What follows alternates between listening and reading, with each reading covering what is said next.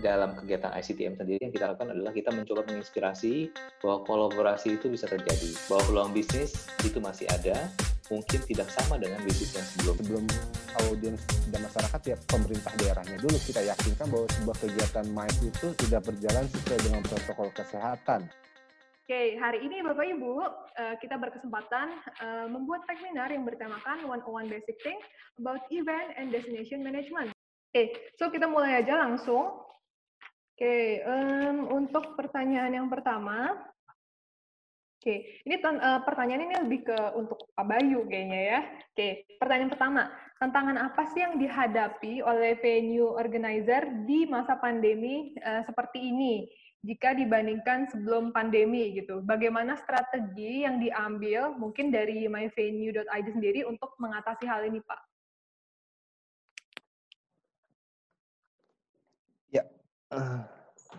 tantangannya wah kalau bicara tantangan. Uh, ya uh, gimana ya memang challenge-nya luar biasa sih pandemi ini yang membuat uh, bisa dibilang kaki di bawah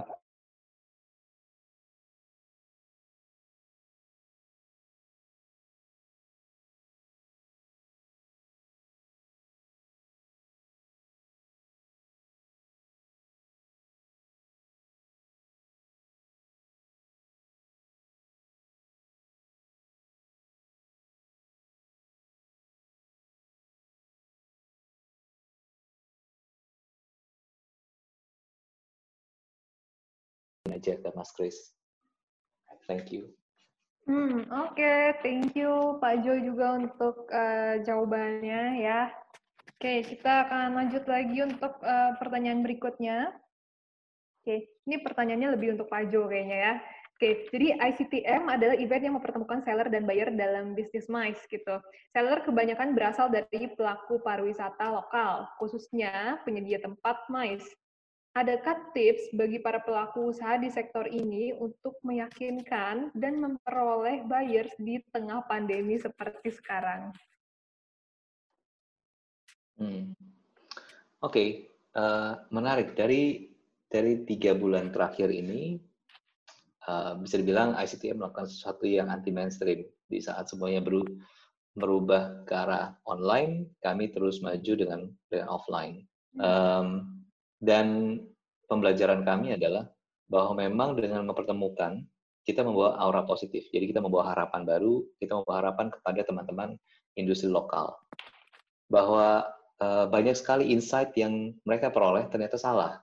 Banyak perusahaan yang kita kita pikir semuanya masih WFH, mereka mereka nggak punya kegiatan dan lain-lain. Sebetulnya nggak. Mungkin selama ini mereka nggak punya kesempatan untuk atau mereka nggak punya kesempatan uh, untuk bertemu dengan orang yang tepat. Jadi apa yang kami lakukan adalah kami membantu dengan mengkualifikasi siapa bayar-bayarnya, kita identifikasi, kita yang melakukan research dan lain-lain, lalu kita undang, kita pertemukan mereka dengan para pelaku lokal. Nah, dari sana akhirnya uh, semuanya saling belajar bahwa memang industrinya berubah, bahwa bisnis yang tradisional itu berubah, tapi ternyata memang ada peluang bisnis baru dengan cara yang berbeda.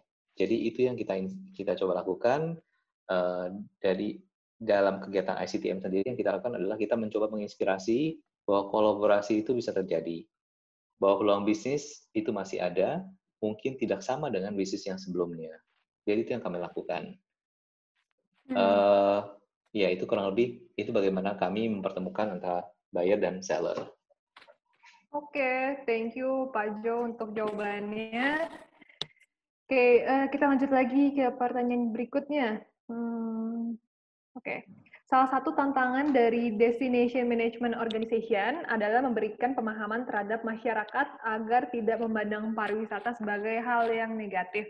Bagaimana strategi untuk menjawab tantangan ini, Pak? Silakan dari Pak Jo dulu boleh, mungkin yes. kalian. Oke. Okay. Hmm, mungkin masalah pemberitaan ya. Jadi ICTM sendiri kita bekerjasama dengan uh, dengan MNC Media Group sebagai media partner.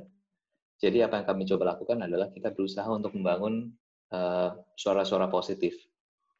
Karena di luar sana banyak suara-suara negatif. Nah, apa yang kami coba lakukan adalah uh, memastikan bahwa kita punya cukup suara, kita memastikan kita punya cukup channel, communication channel, bahwa yang kita lakukan ini adalah hal yang baik. Yang sayangnya di Indonesia, kalau kita mau jujur gitu ya, bahwa berita buruk itu lebih banyak dikonsumsi, lebih menarik. Hmm. Uh, yang sifatnya provokatif itu lebih itu lebih menarik.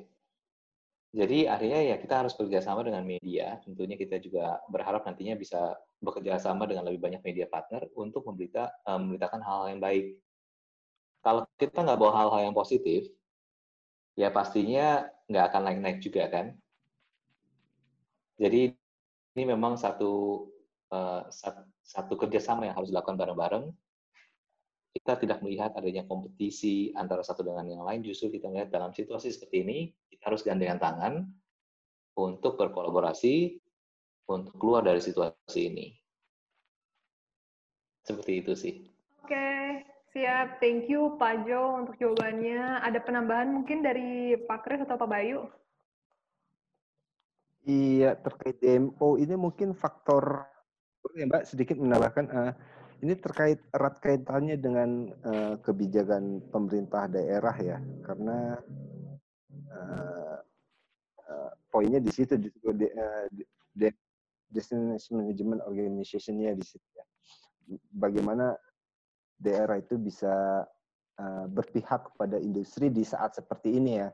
Ada beberapa, ada terus terang ada beberapa daerah yang uh, misalkan uh, untuk kegiatan mais gitu ya ada yang sudah open ada yang ada yang masih sangat tertutup. Sebutlah misalkan Jakarta itu uh, kegiatan yang sifatnya menghimpun masa itu masih menjadi momok ya kalau di Jakarta tapi misalkan di di di daerah lain sebutlah Bali atau Bali ya mungkin sudah ada agak friendly jadi memang uh, awareness itu juga harus ada di tingkat lokal di pemerintahan lokal, Pemda terutama. Berarti satu dua ya. Hmm, Oke, okay. thank you Pak Bayu untuk jawabannya. Dari Pak Kris ada penambahan mungkin? Berarti sudah semuanya sudah. Sudah ya. Apa? Siap, siap, siap. Oke, okay. nah Bapak dan Ibu mungkin saya sedikit ngambil pertanyaan dulu nih karena sebenarnya masih ada beberapa pertanyaan yang udah kita siapin ya, tapi saya nggak sabar sih mau ngebahas dari pertanyaan-pertanyaan dari peserta juga gitu. Oke, ini pertanyaannya ada dari Pak Budi Chandra. Bagaimana caranya membuat virtual event bisa lebih seru daripada real offline event? Apakah ada menu acaranya yang lebih kreatif di virtual event? Nah, ini mungkin bisa dibantu jawab nih dari Pak Kris dulu kali, Pak Kris. Boleh? Kalau dari saya untuk lebih menarik itu banyak platform-platform uh, yang bisa dipakai uh, atau nggak dicoba untuk pemula gitu kayak ada TO namanya, ada uh, atau ada Remo gitu. Jadi misalnya teman-teman bisa coba sendiri aplikasi-aplikasi atau platform-platform itu sendiri. Baru masih bisa menentukan uh, yang mana yang lebih menarik. Karena menarik itu kan relatif based on pasar juga seperti apa gitu. Jadi memang kalau dari saya sih lebih prefer untuk yang kalau misalnya event-event yang mau lebih serius dan hybrid itu dilempar ke IO aja kalau saya karena uh, expertise di situ uh, studionya juga sudah disiapkan, equipment juga sudah disiapkan. Jadi uh, at least coba dulu eh, apa yang kita punya, apa yang kita bisa akses, dulu baru bisa dibandingkan dengan apa yang bisa disediakan sama uh, teman-teman IO. Gitu. Hmm. Oke, okay, thank you Pak Kris dari Pak Jo sama Pak Bayu. Silakan Pak kalau ada tambahan.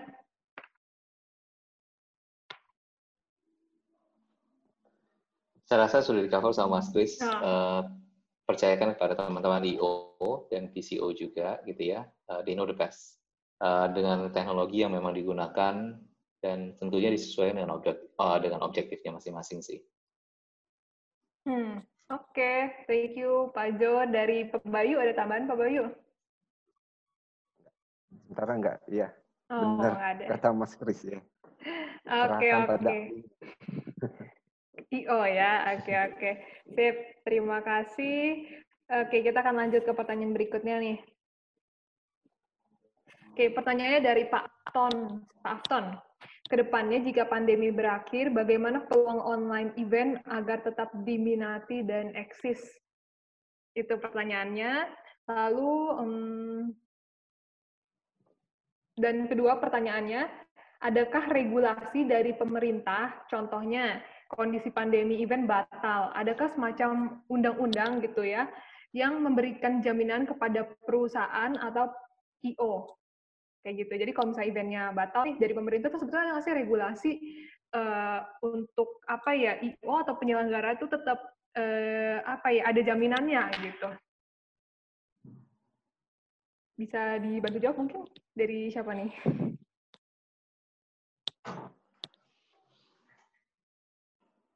Pak Jo dulu kali, Pak Jo dulu.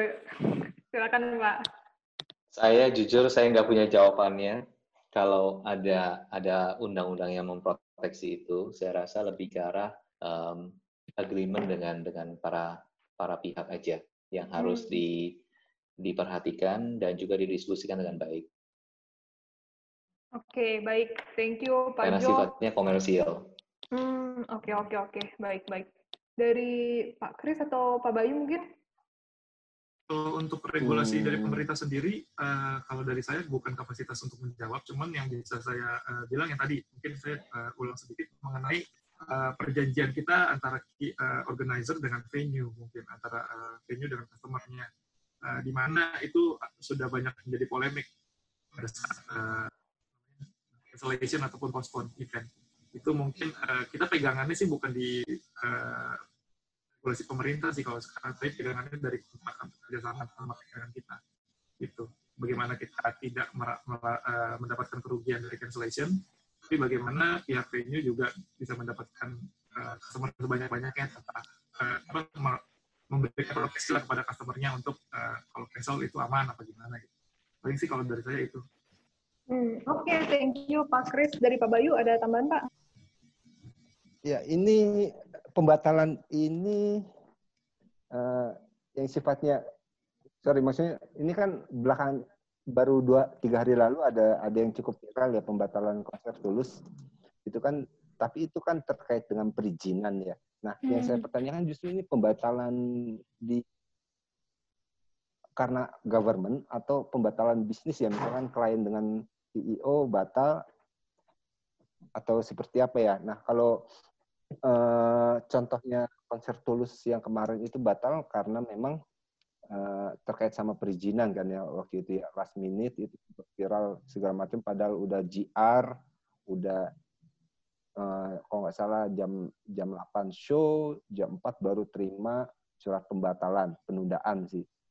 Uh, itu kan memang agak shock ya buat uh, buat organizer ya. Uh, apa biaya vendor harus sudah tetap keluar, venue juga udah keluar, nah, itu kan beban buat si organizer atau promoter. Nah, di kalangan industri sendiri muncul uh, kemarin sempat diskusi ada bagaimana meminimais kerugian itu dengan insuran. Nah, hmm. insuran yang cover soal soal itu memang di Indonesia masih masih masih minim ya kecuali mungkin untuk event-event besar, big event kalau konser dengan uh, dengan apa artis mancanegara otomatis mungkin agent sana juga udah cover itu ya untuk insurannya. Tapi yang yang skala-skala lokal ini memang kadang uh, masih ya bisa dibilang sulit ya untuk mendapatkan hmm, apa perusahaan asuransi yang mau mengcover itu ya. Mungkin itu uh, jadi tantangan juga buat industri event gimana ber, ber kolaborasi dengan uh, insuran ya perusahaan-perusahaan insuran di Indonesia gimana supaya uh, bisa mengcover itu apakah hmm. cukup dengan PK misalkan jika jika itu pemerintahan atau dengan apa ya mungkin sama skema itu harus harus harus dibuka uh, wacananya ya dengan dengan pihak insurance security okay. ya. Siap, siap. Terima kasih Pak Bayu untuk uh, masukannya, insight-nya. Oke, kita akan lanjut lagi ke pertanyaan berikutnya. Oke, uh, pertanyaan dari Pak Gandhi Sucipto. Hal apa saja yang harus disiapkan IO dalam program pengembangan destinasi pariwisata atau DMO? Wah, ini siapa nih yang kira-kira lebih cocok jawab ya? Pak Jo kali ya? Bisa dibantu mungkin, Pak? Oke, uh, saya coba jawab deh um, saya rasa ini ini pertanyaan yang cukup cukup besar yang cukup uh, cukup besar sih saya rasa kerjasama dengan dengan pihak uh, Kementerian Pariwisata dan Ekonomi Kreatif dan juga dengan kantor dinas pariwisata itu itu sudah harus uh, itu mutlak. Lalu juga bekerjasama dengan para asosiasi, perwakilan asosiasi, karena nggak nggak akan cukup nggak akan cukup kita bisa lakukan itu sendirian dan ini harus bersama-sama. Hmm. Jadi saran saya memang kolaborasinya harus ditingkatkan lebih baik lagi dengan semua stakeholder Oke, baik. Uh, terima kasih Pak Jo untuk uh, jawabannya. Mungkin semoga terjawab ya Pak Gandhi ya, sedikit uh, kurang menjawab gitu. Oke, mungkin dari Pak Kris atau Pak Bayu ada tambahan lagi mungkin? Kalau mengenai destination management, kalau menurut saya uh, selain apa yang di, uh, sudah dikatakan Pak Jo, kalau saya bisa menambahkannya memang uh, yang harus disiapkan adalah bagaimana para organizer itu lebih uh, mementingkan uh, objektifnya adalah destination ini biar bisa hidup kan. Jadi uh, bagaimana organizer-organizer itu menggunakan supplier-supplier lokal dari makanannya, kalau misalnya ada bukenya juga bunga-bunganya dari bunga-bunga lokal, dekorasi dan lain-lain. Gitu. Jadi uh, di, di mana event uh, di satu tempat itu, di satu destinasi itu bisa ada impact-nya buat orang-orang sekitarnya di area itu. Kalau kata saya sih, at least di emphasize itu kalau yang bisa tambahin. Hmm, Oke, okay. thank you Pak Kris. Dari Pak Bayu ada tambahan Pak? Enggak sih ya, kurang lebih hmm. sih sama ya. Peran-peran hmm. lokal sih, pemerintah lokal memang besar untuk itu ya. Nah, gimana mereka mengatur, ya seperti yang tadi saya bilang, regulasi kebijakannya memang harus berpihak uh, untuk industri ya, lokal terutama. Oke, baik. Terima kasih Pak Bayu. Uh, Bapak Ibu, teman-teman semua mungkin nanti kita juga akan buka kesempatan buat Bapak Ibu dan teman-teman yang mau nanya langsung. Bisa pakai aplikasi hand di bawah sebelah kanan itu ya. Jadi nanti hand aja, kita akan bantu untuk unmute gitu ya. Jadi yang mau nanya nanti boleh hand juga dari sekarang ya. Biar nanti kita bisa pilih. Oke, pertanyaan berikutnya kita lanjut dulu ya sambil nunggu yang lain ada yang raise hand nanti. Oke, pertanyaan berikutnya oh ini kayaknya masih kuliah nih kayaknya kakaknya nih. Dari Kak Kemal Fuad Ramadan. Mau tanya ke Pak Kris. Oke, pengetahuan saya selain kampus NHI, apakah ada lagi kampus di Indonesia yang menggelar program pasca sarjana event management? Uh, be honest, Kemal, saya tidak tahu no. uh, untuk uh, yang di Indonesia untuk program pasca sarjana uh, event. Hmm. Uh, jadi saya nggak bisa jawab, sorry banget. sih. Tapi boleh share nggak Kak Kris, kira-kira kalau misalnya di luar gitu yang Kak Kris mungkin tahu gitu yang, wah nih bagus nih S2-nya nih kalau event management gitu? Kalau di uh, eh, UK sendiri in partikular, kalau event manajemennya di Bournemouth University yang uh, tempat saya itu memang uh, tourismnya number one kalau di uh, untuk swasta ya, tourismnya number hmm. one karena memang itu based on sejarah dan uh, aplikasi langsung di kota itu.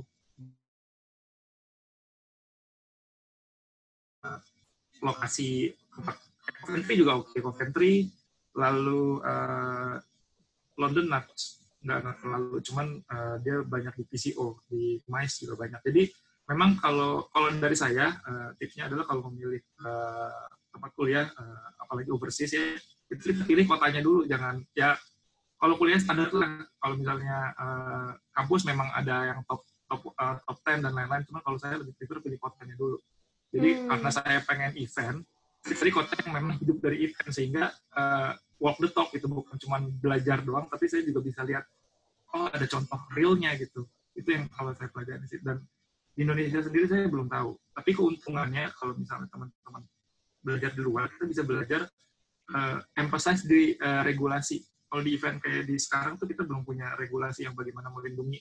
Misalnya kita bikin uh, event di, hotel, uh, di hutan pinus, bagaimana melindungi burung-burung langka agar tidak berisik misalnya di di sana saya belajar eh, kayak waktu itu saya pernah uh, bikin uh, volunteer di event di Skotlandia di mana event itu di hutan pinus di mana jadi polemik uh, di konsil di uh, pemerintahnya karena meng, uh, lagunya berisik mengganggu uh, apa burung-burung langka sehingga dia stres bisa kawin sehingga ditetapkanlah hmm. regulasinya tidak boleh lebih dari 75 desibel. Misalnya kayak gitu kurang lebih. Nah di sini tuh belum ada yang kayak gitu. Jadi kalau walaupun mindset kita eh, walaupun di sini aplikasinya belum bisa kayak gitu uh, belum apalagi mahal dan lain-lain cuman itu mindset kita udah di sana gitu. Jadi di saat negara kita siap infrastruktur siap itu udah uh, langsung bisa tegas gitu nggak ini gimana ya? Ini gimana ya gitu? Menurut saya gitu Wah, keren banget sih memang sih. Jadi tertarik saya ya. Nah, itu ada yang jawab juga tuh uh, Pak Kemal tuh Ivan uh, dari Ivana ya, Kak Ivana. Kalau nggak salah di Prasmul ada katanya BSD gitu ya. Sedikit uh, info juga mungkin yang saya tahu sedikit. Kalau di Jakarta mungkin bisa cek juga STP Trisakti ya, Sekolah Tinggi Pariwisata Trisakti. Kebetulan saya lulusan sana juga S1 Tourism. Jadi setahu saya ada pasca sarjananya sana. Bisa dicek Kak ya. Oke, okay. sip. Thank you. Kita akan lanjut lagi ke uh, pertanyaan berikutnya. Hmm, oke. Okay. Ini pertanyaan dari Kak Alif Nurfianto. Kemenparekraf sudah uh, membuat panduan CHSE bagi pelaku di bidang MICE. Bagaimana, bagaimana kita sebagai pelaku MICE dapat meyakinkan visitor ataupun delegasi agar tertarik untuk datang ke event kita? Ya, silakan mungkin dijawab. Bapak, kira-kira bisa ya, Boleh saya dulu mungkin ya. Ini, boleh, ini menarik juga ya. CHSE di bidang MICE benar kita sudah mempunyai panduan. Mm-hmm. Tapi sertifikasi untuk itu belum ada. Uh, untuk sektor MICE ya, untuk bidang MICE. Sementara kalau yang setahu saya yang sertifikasi CHSE itu baru ada di hotel ya. Tapi mm-hmm. kalau sekedar panduan sih memang ada. Yang nanti labelnya kalau nggak salah Uh, kalau yang di hotel itu ya uh, I do care ya, kalau nggak salah Indonesia Care. Jadi kalau dia lulus sertifikasi dia akan dapat uh, logo itu ya hotel untuk hotel misalnya. Nah kalau untuk MICE ini yang me memang menjadi pertanyaan dan mungkin itu juga ada korelasinya kenapa ada beberapa event yang nggak mendapatkan izin uh, meskipun itu karena belum ada uh, uh, masyarakat melihat bahwa kegiatan mais itu aman dan uh, dan bukan akan menjadi sebuah klaster baru untuk itu. Nah, saya rasa ini ini penting nih. Ini mungkin PR pemerintah kali ya yang supaya CHSE bidang mais ini segera terrealisasikan ya. Karena uh, itu kan bisa jadi senjata buat IO atau venue bahwa ini loh saya udah me, apa mendapatkan sertifikasi CHSE untuk MICE dan ini udah uh, otomatis tersertifikat uh, uh, sudah sesuai dengan ketentuan yang berlaku ya, nggak hanya sekedar panduan aja. Sifatnya lebih lebih mengikat ya, seperti itu ya. Hmm. Jika jika kita mendapatkan sertifikasi itu, sertifikasi di bidang MICE mungkin akan lebih mudah kita gimana uh, meyakinkan audiens, masyarakat, bahkan uh, dan yang terpenting itu ya sebelum audiens dan masyarakat ya pemerintah daerahnya dulu kita yakinkan bahwa sebuah kegiatan MAIS itu sudah berjalan sesuai dengan protokol kesehatan yang di yang disusun juga oleh Kementerian Pariwisata dan Ekonomi Kreatif dan itu sudah tercertified itu itu dulu sih ya awareness itu juga penting sih menurut saya untuk untuk apa untuk lebih digaungkan ya hmm. kira itu I see. Oh, saya juga baru tahu sih Pak. Ternyata kalau hotel ada ya yang sertifikasinya. Hotel sudah gitu, ada. Sertifikasinya oh. beberapa hotel sudah ada. Kalau nggak salah, kebetulan saya sebelumnya ikut webinar soal CHSE juga. Mm -hmm. Untuk tahun ini CHSE Hotel uh, dialokasikan 6.000 perusahaan atau 6.000 pelaku gitu ya. Mm -hmm. uh, dan itu memang gratis untuk untuk hotel. Mm, tahun depan mungkin akan lebih banyak. Tapi untuk MICE juga belum dan skemanya juga belum hmm. ada. Apa yang di, di apakah yang disertifikasi itu organizernya atau venue-nya atau hmm. vendornya juga perlu atau hmm. apa gitu. Ya, ya, ya, betul, betul, betul. Wah, iya, iya, setuju, setuju. Penting sih memang kayaknya ya, kalau misalnya ada sertifikasi itu gitu. Oke, uh, dari Pak Jo atau Pak Kris ada tambahan mungkin? Ada dari saya. Oke, dari Pak Jo? Oke. Kalau dari saya mungkin nambahin aja. Uh, betul bahwa CHSE protokol itu guidelines-nya sudah ada. Uh, saya sudah baca ada 60 halaman lebih. Jadi hmm. itu menarik. Uh, kita lihat memang itu berusaha untuk mengcover semua hampir semua komponen. Tapi uh, kalau saya boleh komen berdasarkan keadaan di lapangan uh, bahwa protokol itu harus diimplementasikan. Dan pada saat diimplementasikan, itu banyak hal-hal yang menarik yang kita temukan. Contohnya apa? Tidak kalau kita bicara hotel, uh, hotel di setiap kota ini masih punya uh, standar yang berbeda-beda. Di beberapa kota, bahkan mereka punya dua. Ada yang di tingkat daerah, ada yang juga di tingkat nasional. Nah, uh, contohnya seperti kalau saya boleh mention di Jogja, oh, kemarin kita lakukan di Jogja, bahwa di Jogja sudah melakukan ada sertifikasi CISA sendiri, hmm. lalu ditambah dengan yang nasional, yang akhirnya saling mengisi. Bukan conflicting, tapi saling mengisi. Dan yang menarik lagi bahwa setiap hotel, kalau kita baru bicara hotel aja ya, kita baru bicara hotel. Hotel ini kan punya struktur bangunan yang berbeda-beda. Ya kan, nggak semuanya sama. Jadi ada yang bisa diaplikasikan, ada yang nggak bisa diaplikasikan. Contoh kita lihat kalau dibandingkan dengan Jakarta, ini juga berbeda. Mengenai buffet. Buffet apakah sudah boleh apa enggak? Di beberapa kota buffet itu boleh. Tapi ada caranya juga. Uh, dari beberapa event yang kita lakukan dalam dua, dua bulan, tiga bulan terakhir ini adalah ada yang modelnya buffet, ada yang model reserve, ada yang juga modelnya um, uh, ada ada tiga macam. Yang kita lihat pada aplikasinya juga bisa beda-beda. Semuanya ada plus minus. Kembali lagi pada manusianya. Masalah disiplin, masalah kebiasaan. Ada yang harus begitu masuk menggunakan apa uh, sarung tangan. Jadi bisa ambil sendiri karena diperkirakan penularan COVID itu bisa datang dari karena ganti-ganti uh, menggunakan alat uh, alat bantu yang bersamaan. Tapi pada aplikasinya, itu kan juga harus dipantau. Jadi kita bicara ada satgasnya dan lain-lain. Uh, pengalaman, kita lihat ini ada plus minusnya. Contohnya begitu masuk, pakai glove. Setelah ambil pertama, makan, dia ambil datang yang kedua, glove-nya lupa. Terus apa yang harus dilakukan? Gitu kan? Lalu ada beberapa hotel yang memang pada pada prakteknya bahwa sekarang kita bicara hotel ini belum 100% operasional. Artinya bisa jadi staffnya cuma operasional 50 sampai 50%. Kalau semuanya harus di-serve, artinya semua sampai orang-orang yang di back office itu harus maju keluar.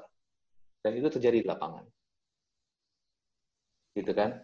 Berarti hmm. ada ada ada ada banyak hal yang harus hmm. di uh, di dimaklumi gitu ya karena bukan orang-orang ini bukan pada bukan pada uh, apa uh, scope kerjanya, tapi mereka berusaha membantu. Jadi ada ada berapa yang harus kita trade off.